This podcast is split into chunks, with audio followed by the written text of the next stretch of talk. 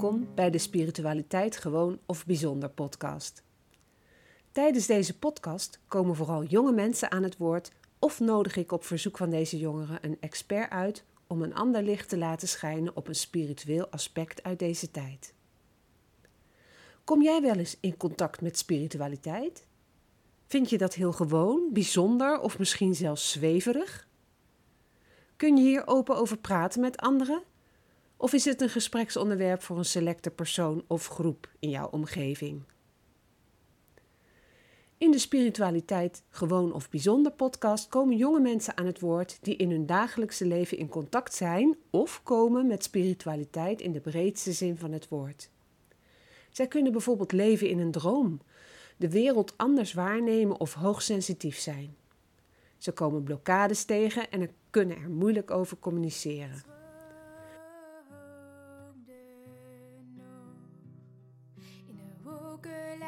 Van dromen, daarboven in je hoofd, kun je alles wat je wil nu zien zoals je hoopt. Knisperende bladeren, zwevend op de lucht en de vliegensvrije vogels zijn nooit meer op de vlucht. En je droomde. Ik uh, heb in mijn uh, studiootje bezoek gekregen van Lin, een uh, oud student van de opleiding waar ik uh, nog steeds werk. En het mooie is dat Lin haar verhaal wil gaan vertellen over haar leven en ja, misschien we het helemaal niet meer over de opleiding hebben, want dat leven heeft een totaal andere wending gekregen. Wil je jezelf even voorstellen, Lin? Ja. Oh, sowieso fijn om hier te zijn. Ik voel nu even mijn hart open gaan. um, ja, mijn naam is Lin. Ik ben 26. Ik um, ben geboren in Den Bosch en woon daar nu nog steeds.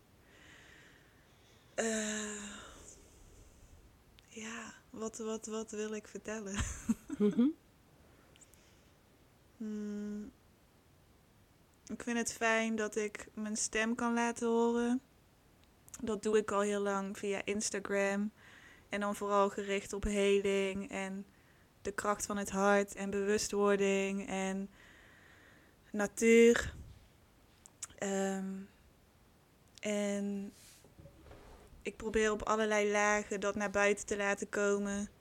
Om het ook voor anderen voelbaar te maken. En dit is daar ook weer een weg in. En ben daar heel blij mee dat dat zo floot en gebeurt. Mm -hmm. En het is ook spannend, maar ook heel goed. Ja. Het voelt heel goed. Ja. ja. Je hebt gekozen voor uh, Instagram ja. als uh, medium. En uh, ja, ik heb natuurlijk zelf ook een Instagram-account. En ik vraag me altijd af, wie leest dat nou?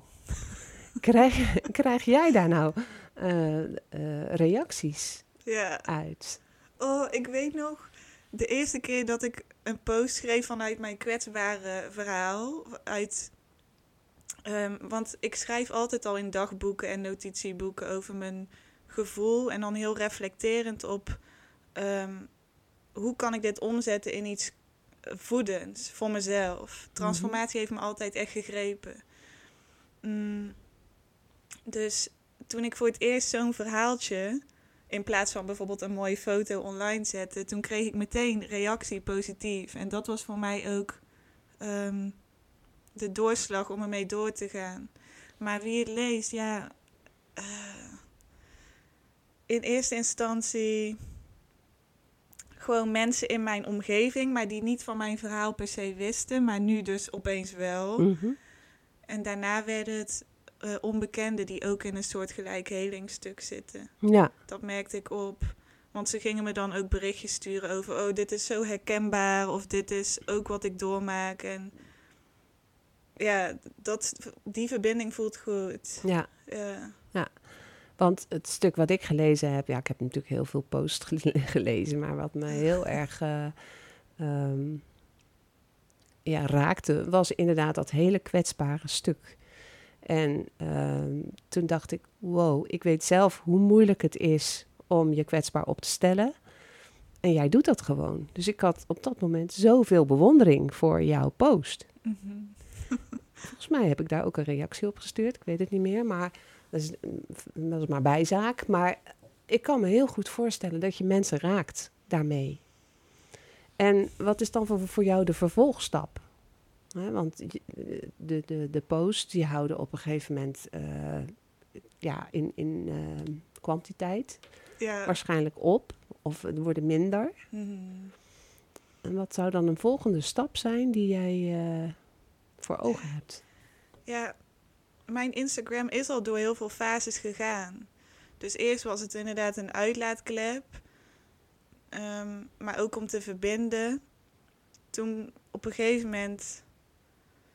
Ja, dat is eigenlijk sinds dit jaar ben ik ook healings gaan geven. En toen werd dat een... een ja, zeg maar, dat gebeurde in mijn echte leven, maar matchte ook aan mijn Instagram dat ik dat weer kon delen. Dat mensen wisten, oh, dit ben ik nu aan het Ja. doen en daar kun je op aanhaken, ja of nee. Ja, Ehm, en nu ben ik heel erg verbonden met de natuur en de aarde en die lagen daarin. En dat probeer ik nu weer naar buiten te brengen, omdat ik daarmee bezig ben, om dat te Mhm. belichamen.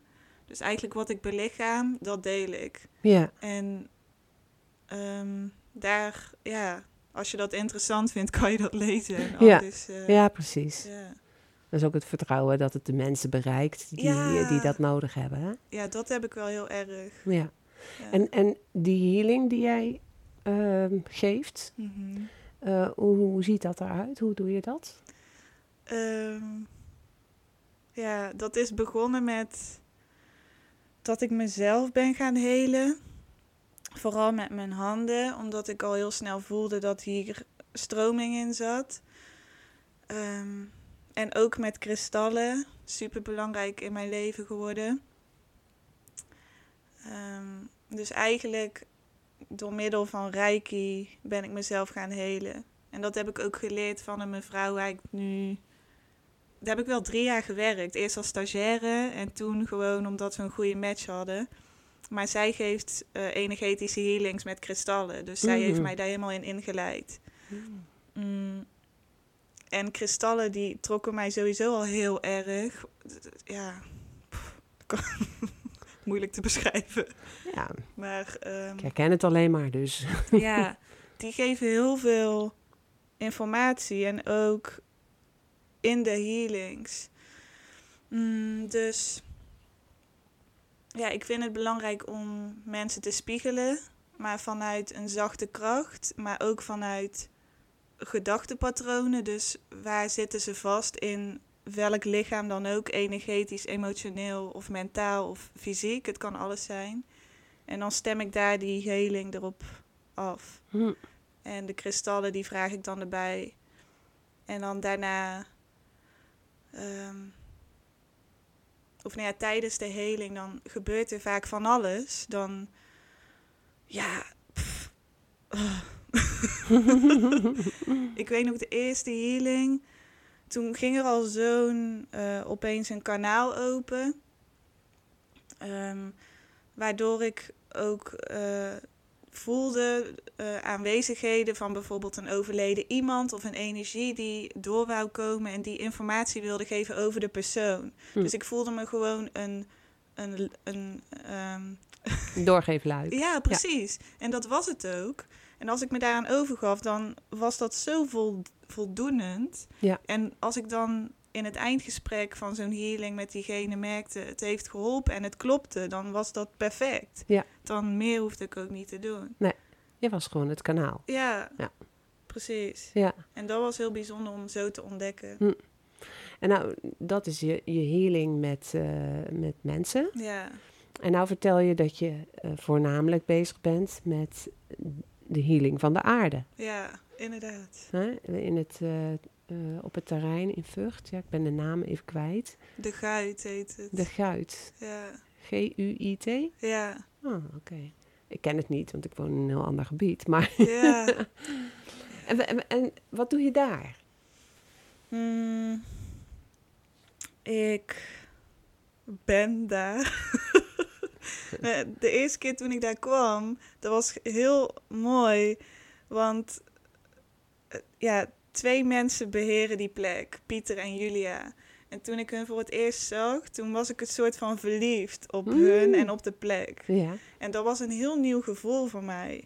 Maar nu kan ik dat wel benoemen als ehm, ja, hartfrequentie. Dat je gewoon een soort thuiskomt in Ja. iemand. Ja. Ehm, Je herkent elkaar, hè? ja, je herkent elkaar. Ja. Ja, dat. Ja. En die plek, steeds als ik daarheen ging en ervan wegging, want het is gewoon een plek met een heel mooi huis, een hele grote tuin, ehm, met heel veel verschillende gewassen en hele mooie bomen eromheen. Als ik dan thuis kwam, dan voelde ik van, wow, dat is mijn thuis. Ik moet Ja. daar vaker zijn. Ja. Ehm, maar het trok me heel erg dat. ehm, dat zei Julia later ook een keer. Dat het blijkt ook een krachtplek te zijn. Als in de, de grens tussen het spirituele en het eh, fysieke is daar heel dun. Dus er kan daar heel veel plaatsvinden op een. De heling kan plaatsvinden op een snelle manier. Mm. Als je daarvoor open staat. Ja. Maar in ieder geval, wat de plek vraagt, is om gewoon te zijn. Ja. Ehm, En je kunt dan meewerken in de tuin. ja, Om, eh, Ja, eh, ik leer heel veel over gewassen. Oh, Dus überhaupt hoe een, hoe een aardappel groeit of zo. Dat is, dat is al best schaamtevol om te beseffen dat je dat niet weet. Hoe, wat er op je bord ligt, dat je dat niet eens weet hoe dat groeit. ja. Ja, Ja, maar hoe had je dat moeten weten? ja. maar dat, is het, dat was de confrontatie. Van, Ja, ja. Wauw, dit Nou mogen ja, we allemaal weten. Dit is, dit is verbinding maken met de aarde. Ja, En eh, wij leven in een maatschappij waarin die verbinding niet altijd even logisch wordt gemaakt. precies. En eh, daar kan je een oordeel over hebben, maar het, het is zoals het is. Mhm. En als je je bewust wordt van hè, hoe groeit een aardappel, dat is een mooie metafoor.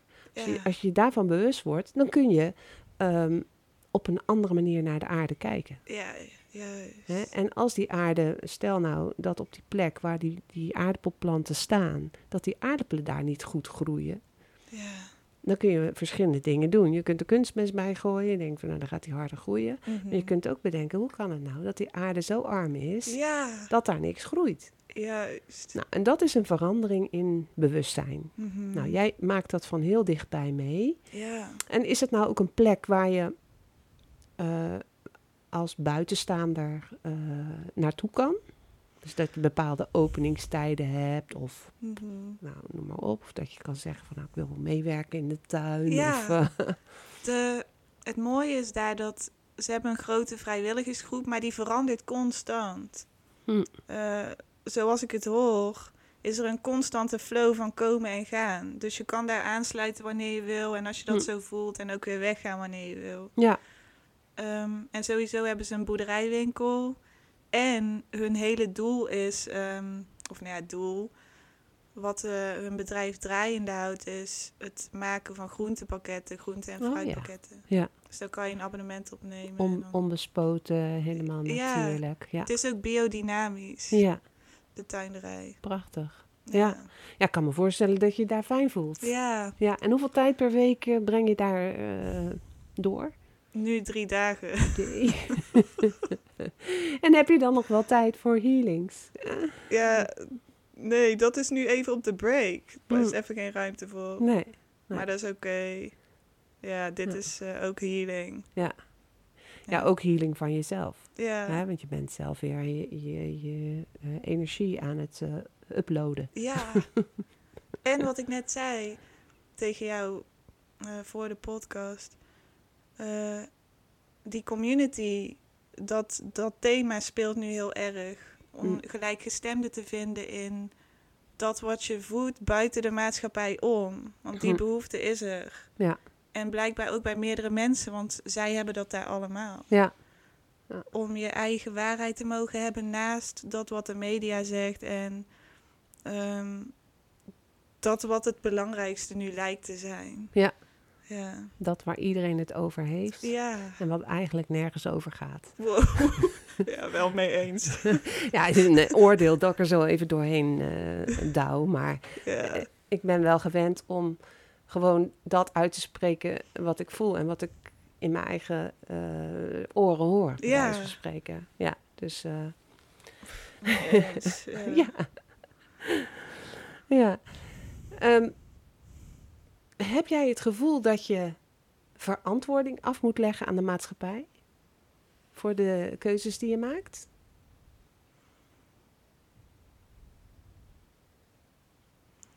ja, als ik iemand tegenkom die een hele andere mening heeft, dan soms wel. Mhm. en, en mensen in je directe omgeving? Ja, mijn gezin wel. eh, papa en mijn broers. Mhm. Maar ja, dat zie ik wel als een oefening eigenlijk. Ja, maar ik Want heb dat is veilig, hè? Je eigen Ja, kring is precies. veilig. Huh, heb jij dat gevoel dan? Ik heb het gevoel zelfs in mijn eigen gezin met mijn eigen kinderen... Oh, Ja. ja. dat daar verschillende ideeën en meningen mogen zijn. Dat, Mhm. dat mag ook van mij. Maar dat er ook onbegrip is Ja. en oordeel eh, wederzijds. Hè? Want Ja. als, als een van mijn kinderen tegen mij zegt eh, van nou, je moet dit of dat doen, want dat wordt van je verwacht. Dan zeg ik van wie verwacht dat dan van mij? Ja, wow. Ja. en ik bepaal mijn leven. Ja? Ja. Dus ja, dat zijn, dat zijn in je, eh, jij zegt heel mooi, dat zijn oefeningen. ja, Kijk, tegen je eigen kinderen, in mijn geval, kan ik gewoon dingen zeggen.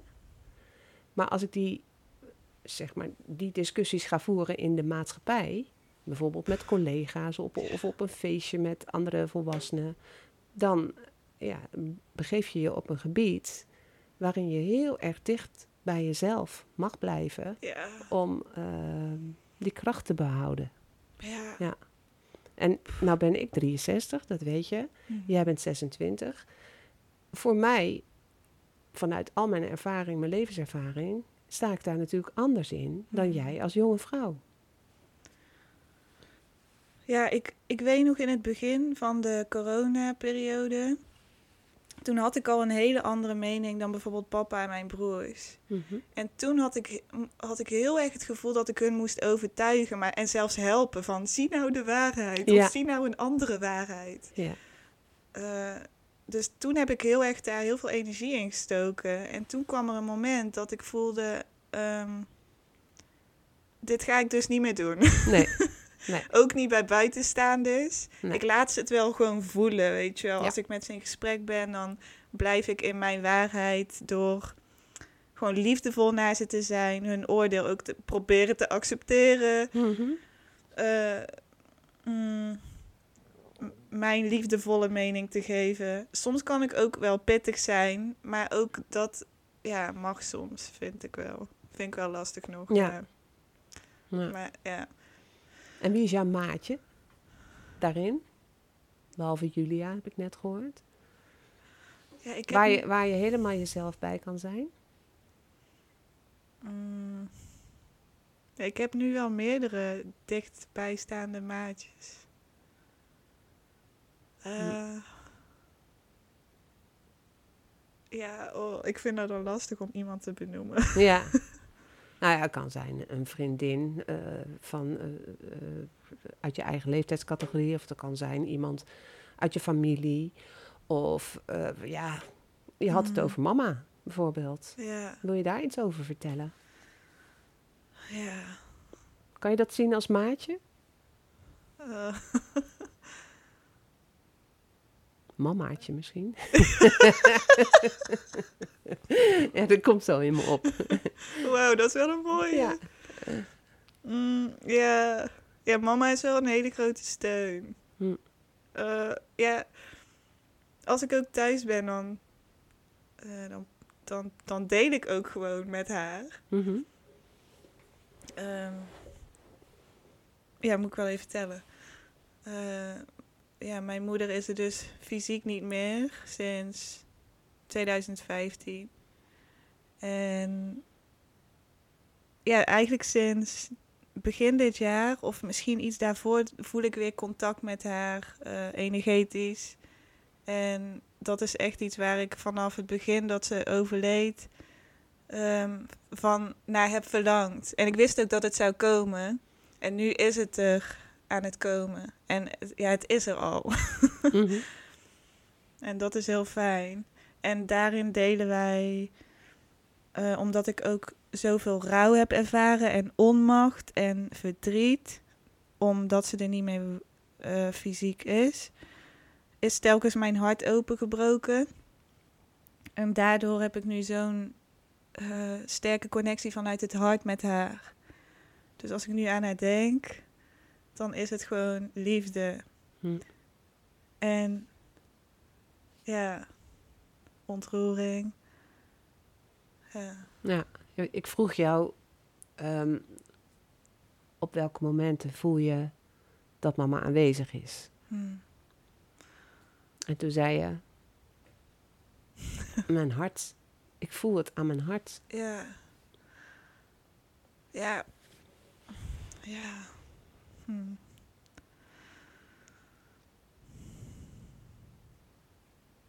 Ja, als ik bijvoorbeeld twee jaar geleden aan mama dacht, dan was er ook mijn hart, maar dan was er ook nog zoveel pijn en verdriet en blokkade en zorgen en angst. En nu is dat zo weg. Mhm. ja, ehm, ja, ik, eh, ik noem mezelf ook een soort van hartwerker of hartvisionair, omdat ik geloof dat leven vanuit het hart op een dieper niveau. eh, nou, het begint natuurlijk met wat vind ik leuk in het leven en dat volgen. Maar het gaat zoveel dieper. Het hart heeft zoveel lagen van verbinding en empathie en magie en vreugde en Mhm. extase. En ja, Ja, dat, daar heeft mama ook voor gezorgd dat ik dat heb kunnen openen. ja, Bij elke pijn en daarbij elk moment van zelfheling heb ik dat ja, steeds een deurtje weer kunnen openen. ja. Ja, Dat is een eh, transformatieproces, Ja. zoals, zoals je dat noemt. precies. En, en die transformatie, die stopt nooit. Nee. Nee. Dus wordt- daarom denk ik nu van wat kan er nog komen? Ja. ja, heel mooi. Jij bent pas 26. Ja. Nog een heel leven voor je. Ja, ja, dat vraag ik me ook af. Dat vraag ik me vaak af. Ja? Ja, Wa- Wat er nog gaat komen. ja. en of ik wel, nou, dit klinkt echt raar, maar of ik nog wel een heel leven heb. Nou ja, er staat, er staat niet bij een heel leven is zoveel jaar. Dus, maar je, ik heb ook nog een heel leven voor me hoor. Dus Ja. eh, begrijp me niet verkeerd. Nee, Ehm, ja, precies. maar ja. ik heb ook al een heel groot deel mogen leven. Mhm.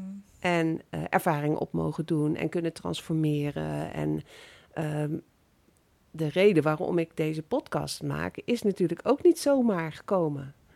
Omdat ik het, het, het uiten van je verhaal of het, het vertellen van je verhaal zo belangrijk vind. En ik vind ook jouw verhaal weer super boeiend. En ehm, vooral dat stukje hartvisionair. Ja. Ik vind het een fantastisch woord. Want visionair betekent eh, kijken. Ja. hè? Je- je- dus je kijkt met je hart. Wow. Je kijkt niet met je ogen. Dat klopt. ja. Zo. En dat is dan die healing waar je het ook over hebt. Op het moment dat jij daar staat met je kristallen bij een, een, een, een medemens.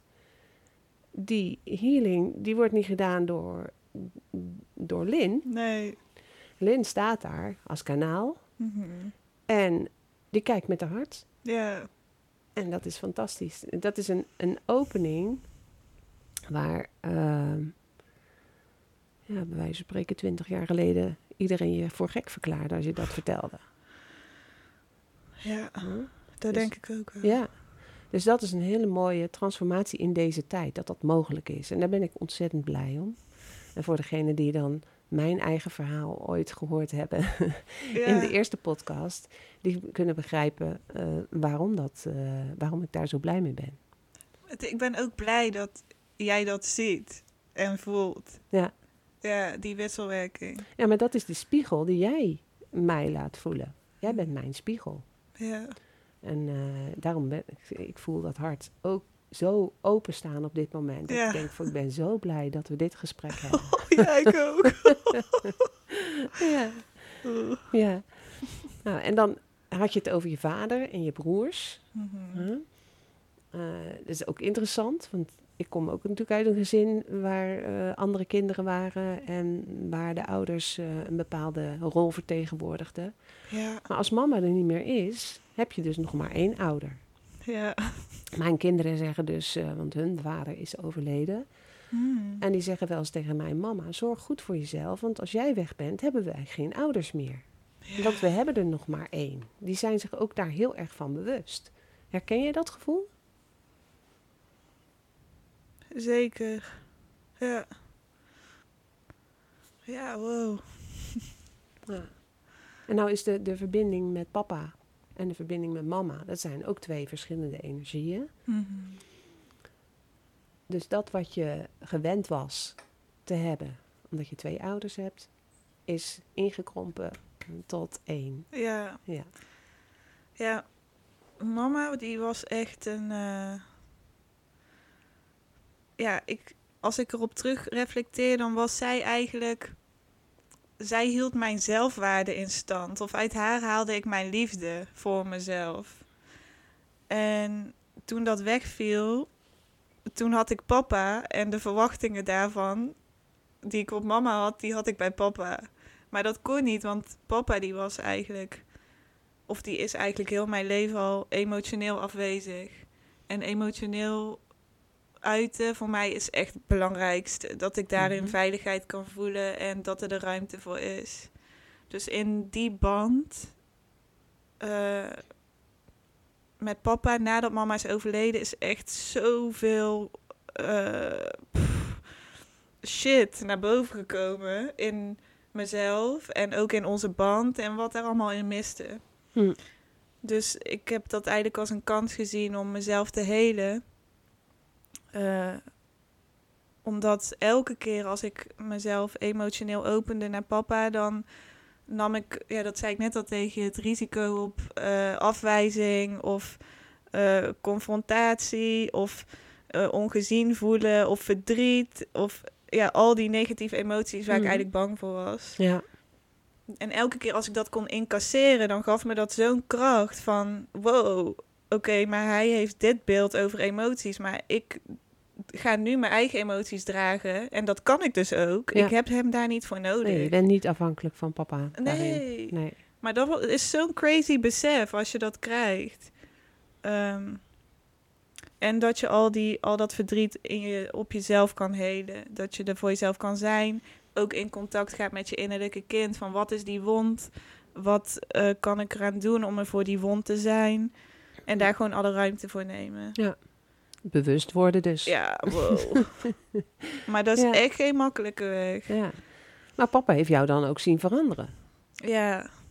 En heeft hij daar dan iets over eh, verteld? Of eh, eh, is er een opening bij hem ook gekomen? Misschien, ja. Ja, ik me, we zijn intiemer geworden en dat wilde ik ook. Dus we praten veel meer over gevoel en ook over papa's gevoel en die Mhm. van mij. En over zijn dromen en mijn dromen. Fantastisch, toch? Ja. Ja. Maar er mag nog meer opening komen. Ook over bijvoorbeeld wat jij vraagt van... wat- Zie je verandering in mij en wat doet dat met jou? En Ja, welke verandering zie ik in hem? Ja. Zo nog iets dieper, ja. ja. Maar ja, dat heeft tijd nodig. Ja. Ja, iets wat je eh bij wijze van spreken 50 jaar eh, hebt opgeslagen op een bepaalde manier. Oh, ja. Leven, dat heb je niet in, in twee jaar eh, eh, omgebogen. Nee. Maar het mooie is dat je wel zegt, er is een transformatie, er is een verandering zichtbaar. En eh, dat is juist die wisselwerking tussen die energieën van jullie, wat Ja. dat bewerkstelligt. Dat, Ja. zonder meer. Het, eh, ik ben ook gaan duiken in zijn verleden en hoe, is, hoe hij is opgevoed. En dat is ook niet niks. Hm. Daarom is hij ook zoals hij is. Ja. En dat proberen te accepteren, dat is echt... pff. ik ben zo vaak boos geworden in mezelf. Van, wow, hoe kan je nou zo worden opgevoed? Of hoe... hoe ja, ja. gewoon boos. Ja, Nou, en was er dan ook verschil tussen jou en jouw broers? ja zeker. Mm. Wat- Kregen zij een andere opvoeding? Of omdat jij het enige meisje was, werd er anders naar jou gekeken? Ehm, ik denk het wel. omdat ik al heel vroeg liet zien dat ik die emo- emotionele steun nodig heb, eh, had. En bij mijn broertje kwam dat iets later, maar hij had dat ook echt nodig. Hij miste dat ook. Hm. Dus hij ging dat ook uiten naar papa. En toen zag ik bij papa echt gro- grotere verandering. Toen, toen ging ja. hij beseffen van, oh, ze hebben dit nodig. En misschien ik ook wel, weet je Ja. wel? Ja, Mm, mooi proces hoor. ja, Ja. Ik heb een voorstel. ja. We hebben uiteraard natuurlijk weer een tarotkaart getrokken. Dat we kunnen kijken wat deze kaart jou vertelt. Ook in relatie tot dit onderwerp. ja.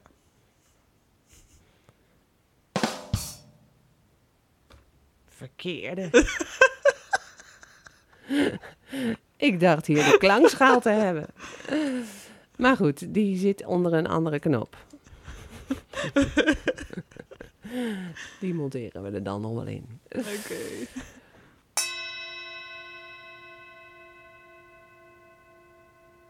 Ehm, goed, eh, de kaart. Misschien kun je vertellen wat er op de kaart staat. en wat het, eh, ja, alles wat je ziet, voelt, eh, mag je zeggen. Ja, toen wij deze net trokken, toen herkende ik hem meteen. Hij heet ook Star.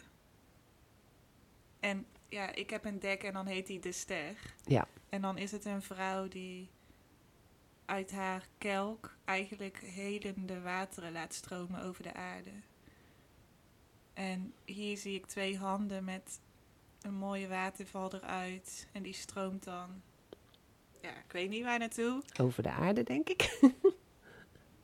Eh, met een paar, ehm, ja, hoe noem je die dingen? Statness. ehm, oh, De ster? Ja, de T-Triator. oh ja. Ja, dat is een zespuntige ster. Ja, Die is eh, opgebouwd uit twee driedimensionale driehoeken die in elkaar Mm. geschoven zijn. ja. De bovenste drie, of de driehoek die boven staat, die wijst met de punt naar boven, naar het universum. Mhm. En de driehoek die beneden staat, die wijst met de punt naar beneden, naar de aarde. En deze driedimensionale ster heeft alle kracht in zich die eh, nodig is om hemel en aarde te verbinden. Wow. En dat is de ster waar, eh, ja, je hebt hem niet voor, voor niks getrokken, maar jij, de, even in dit geval, de personificatie van bent. Ik hoop ook dat je jezelf als die ster eh, herkent. Ah, working on it. Je hoeft het niet alleen te doen, want er Mm. staan nog meer sterren bij. Oh, wow. Hoeveel sterren, Wow. hoeveel sterren zijn dat? Zeven. Wow. Wat gebeurt er nu? Ehm, nee, ik voel even een verbinding met iets. Wil je dat delen? Ik moet denken aan de Pleiade. Juist. Ja. Ja. Het kon ook niet anders, hè? Dus Seven Sisters. ja, wow. Ja. De tarotkaart waar je het over had, met de vrouw, met de kelk. Het is ook niet voor niks een vrouw. Mm. Dus de vrouwelijke energie van de Seven Sisters, in verbinding met jou, zorgen ervoor dat de, de, de wateren gaan stromen over de aarde. Nou, in relatie met jouw werk als harthealer, zeg maar, hartvisionair, eh, je werk in de eh, tuin of op het landgoed van Guit. Dat zijn allemaal eh, dingen die in deze kaart bevestigd kan zien.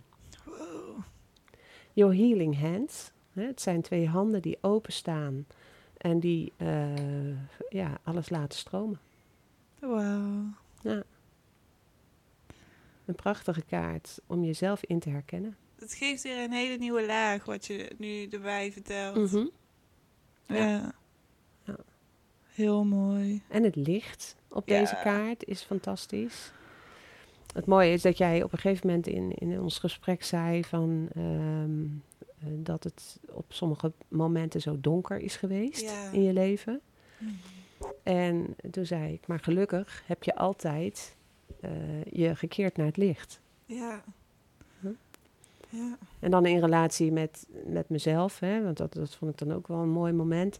Dat eh, mensen tegen mij zeggen: Als je met pensioen gaat, ben je dan niet bang dat je in een zwart gat valt? Ja. Dat ik dan zeg: Nee, natuurlijk niet. Ik ben toch met licht bezig? ja, Ja, dat, dat is echt een mooie uitspraak. ja. Ja. Dus dan kan niet in een zwart gat vallen. Dat gaat Nee. niet, bestaat niet eens. Ja, het is er wel, maar niet voor mij. Wow. Dus in deze ben ik ook heel, blij dat je hier in, in, in mijn kleine studiootje zit op een stoel. En dat je deze kaart hebt getrokken. Wow, ja. Want jij bent eh, een, een jongere generatie van het licht. Gaaf hè? Ja, wauw. Ja. We zijn eh, natuurlijk al een, een aardig stuk op eh, weg. Ehm, waar ik nog wel even heel nieuwsgierig naar ben. Dus even een aardsdingetje. Hè? Want ik heb jou natuurlijk als student gehad op de opleiding. Ja. En dan ga je na je opleiding met een diploma op zak, ga je de wijde wereld in. Hè? Zo denken wij als docenten dan dat die studenten dan heel veel gehad hebben aan de Ja, opleiding. En eh, dat ze het vak gaan uitoefenen wat ze binnen onze mooie MBO-opleiding eh, hebben geleerd. Is er nog iets in jouw leven wat te maken heeft met de opleiding die wij eh, jou hebben gegeven? Een heel aardse vraag, hè? Eh, ja, ik hou nog steeds van kleding, maar een hele andere manier. Ehm, ja, het is gewoon een soort van. Ik vind het nog steeds belangrijk om mezelf ook eh, via het uiterlijk te laten zien Mhm. waar ik voor sta. Dat. Hm. Mijn hele tijd is dat ook super basis geweest. Gewoon geen make-up, eh, spijkerbroeken en wit t-shirt. Maar dat is ook een manier Ja, geweest. dat, is ook een, dat zegt natuurlijk ook al heel veel. Ja. Ehm, ja, en vormgeving. Dat is altijd bij me gebleven. Dat bezig zijn met eh, kleur en beelden bij elkaar. En mm, ja, creativiteit. Hm. Dat, dat blijft. Ja. En ook blijft er gevoelig voor. Mhm. Ja. Ja. Eh, Maar je bent geen modeontwerpster geworden. nee. Wow, gelukkig niet. oh, nee. Eh, Nou ja, je bent natuurlijk gewoon in, in een periode vanaf je zestiende jaar ben je dan bij ons, tot je twintigste ongeveer. Bij de, Ja. Het is niet bij iedereen exact die tijd, maar zeg maar een periode van drie of vier jaar ben je dan eh, bij ons op school. En dat zijn wel de jaren waarin je jezelf vormt tot ja, een, een eh, jong volwassene. Ja. die zijn keuzes kan gaan maken, die Mhm. haar keuzes kan gaan maken, om eh, verder eh, de, de loopbaan te gaan Ja. ondernemen.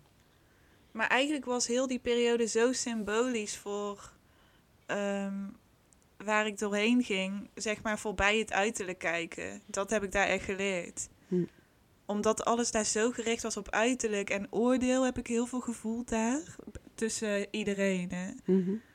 Ehm, maar ik had ook heel veel angsten toen al door mijn hooggevoeligheid. Dus dat is me eigenlijk vooral bijgebleven dat ik daar doorheen ben gegaan. Ja, je hebt het overleefd. Ja, inderdaad.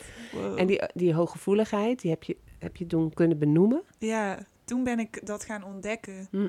wat dat precies is. Ja. En waarom daar zoveel angst bij kwam kijken ook. Ja. Ja, Ja, want je bent toch ja, zo kwetsbaar op die leeftijd Mhm. om eh, te laten zien wie je bent. ja en je wil op dat moment ook de juiste info hebben van waarom voel ik me zo gevoelig en eh, kwetsbaar ja, en zo snel geraakt en Ja, zo gefrustreerd vaak over wat anderen van je vinden. En, ja. Ja. Ja. Dat leer je dan. ja. Nou, gelukkig hoef je daar niet mee bezig te zijn, wat Nee. anderen van je vinden. Want ja, deze podcast wordt natuurlijk wel beluisterd door, ja, dat weet je niet van tevoren, door mensen. Nee, Ja. Wat hoop je dat ze, eh, misschien wil je ze gewoon nog iets meegeven. Wat hoop je dat ze oppikken van dit verhaal? Ehm, ja, dat de waarheid in je hart zit. En daarmee bedoel ik dat iedereen wel een diepe waarheid heeft van binnen, die vaak wel mm, bedolven ligt onder heel veel patronen en schilden en eh, hoe je bent opgevoed en overtuigingen over jezelf. Maar dat daaronder een hele diepe waarheid ligt die er altijd is. En waar je ook altijd bij kan. En dat je niet bang hoeft te zijn voor het donker in jezelf. Hm. Want ik kan me voorstellen dat je heel veel angst hebt of kan ervaren of onmacht of boosheid of al die negatieve emoties tussen aanhalingstekens. Maar dat dat allemaal ingangen zijn om tot die waarheid te komen. Ja. En dus als het is je- nodig. ja, het is een- echt nodig Hm. om dat, dat donker gewoon te zien. Eh, ja, en het, het blijft eng. Eh, Maar er is zoveel hulp ook Hm. in andere energielagen, maar ook gewoon in mensen om je heen en boeken. En ja, er is in deze tijd zoveel. Hm. Er is zoveel Ja. om je te helpen. Nou, het mooie is eh, dat je zegt, je hoeft het niet alleen te doen. Nee. En dat is ook altijd wat ik zeg tegen mensen die dan met mij in gesprek gaan over twijfels, over ja, levensvragen soms. Er zijn ook mensen die dan vertellen van nou, voor mij hoeft het leven niet meer, Ja. want ik voel me zo alleen. ja. En dan, dan probeer ik natuurlijk te achterhalen wat dan dat gevoel veroorzaakt. Dat Ja. is echt dat donkere, die schaduwkant waar ze dan in zitten. Wow, juist. Ja. Dus kom dan uit die schaduwkant. Ja, makkelijker gezegd dan gedaan. Ja. Dat is voor iedereen een ontdekking op zich. Ja, Mm. en dan kom je altijd krachtiger uit. Ja, dat. Wow. Nou, ik vind het echt eh, geweldig. We zitten eh, aan de tijd nu. Wow, joh. ja, we hadden nog veel meer kunnen bespreken. Maar als Ja. je het leuk vindt, kun je altijd over een tijdje nog een keer komen. En dan kunnen we weer een gesprek voeren. Dat maakt mij eh, alleen maar gelukkig. Ja, lijkt me dat. om ja, ook weer terug te komen om op dingen die je nu aan het onderzoeken bent. En nu zit je dan eh, met healing van de aarde, ben je heel erg Ja. bezig. En via die healing met jezelf. ja. En er komt weer, weer een nieuwe periode waarin je weer een ander stukje mag gaan ontdekken. Ja. En dat is een avontuur, nou dat is waanzinnig. Mhm. En als ik dat nog mee mogen kijken, dan eh, voel ik me ook weer gelukkig. Ja. In ieder geval Leuk. heel erg bedankt voor je gesprek. Ehm, ik heb dat bij de vorige podcast vergeten, maar ik had me dat voorgenomen. Ik heb een boekje geschreven met een gouden koord. En in dat boekje staan tien stappen van het leven beschreven. En ehm, dat gouden koord, daar zijn wij allemaal mee verbonden. Jij met het leven, maar ik ook met jou en met anderen. Dus Zou ik jou een stukje van het gouden koord mee kunnen geven? Wat je aan iemand door kan geven Ja. die, eh, waarvan je denkt van nou, die zou misschien ook wel leuk vinden om zijn of haar verhaal te doen. Ja. Ja? Ja. Dan gaan we dat zo meteen eh, afknippen en dan krijg mooi. je dat mee. Ja. En alvast bedankt, want ik ben benieuwd wie er dan de volgende keer eh, Ja. op deze stoel zit. Oh, Ja? dankjewel. Dat was Ja. echt mooi. Ja, nou. Zijn er nog vragen aan jou van mensen? hoe kunnen ze jou dan bereiken? Ja, mijn Instagram, dat is gewoon Lin Vugts. En mijn website www.linvugts.com. Ja, dat. Ik zal het ook op de aankondiging van de podcast nog zetten. Dan Oh ja. eh, kunnen mensen die link eh, volgen. Thanks. Tot de volgende keer, Lin. Ja. Heb je nou zelf een verhaal wat je wilt delen? Dan nodig ik je uit om een mail te sturen naar jolandahelverstein.gmail.com En dan is Helverstein met E lange ei. Ook kun je voor verdere informatie een bezoek brengen aan mijn website jolandahelverstein.com. Graag tot een volgende keer. Sluit je ogen maar, doe ze zachtjes toe en droom dan maar zacht. De boze dingen uit jouw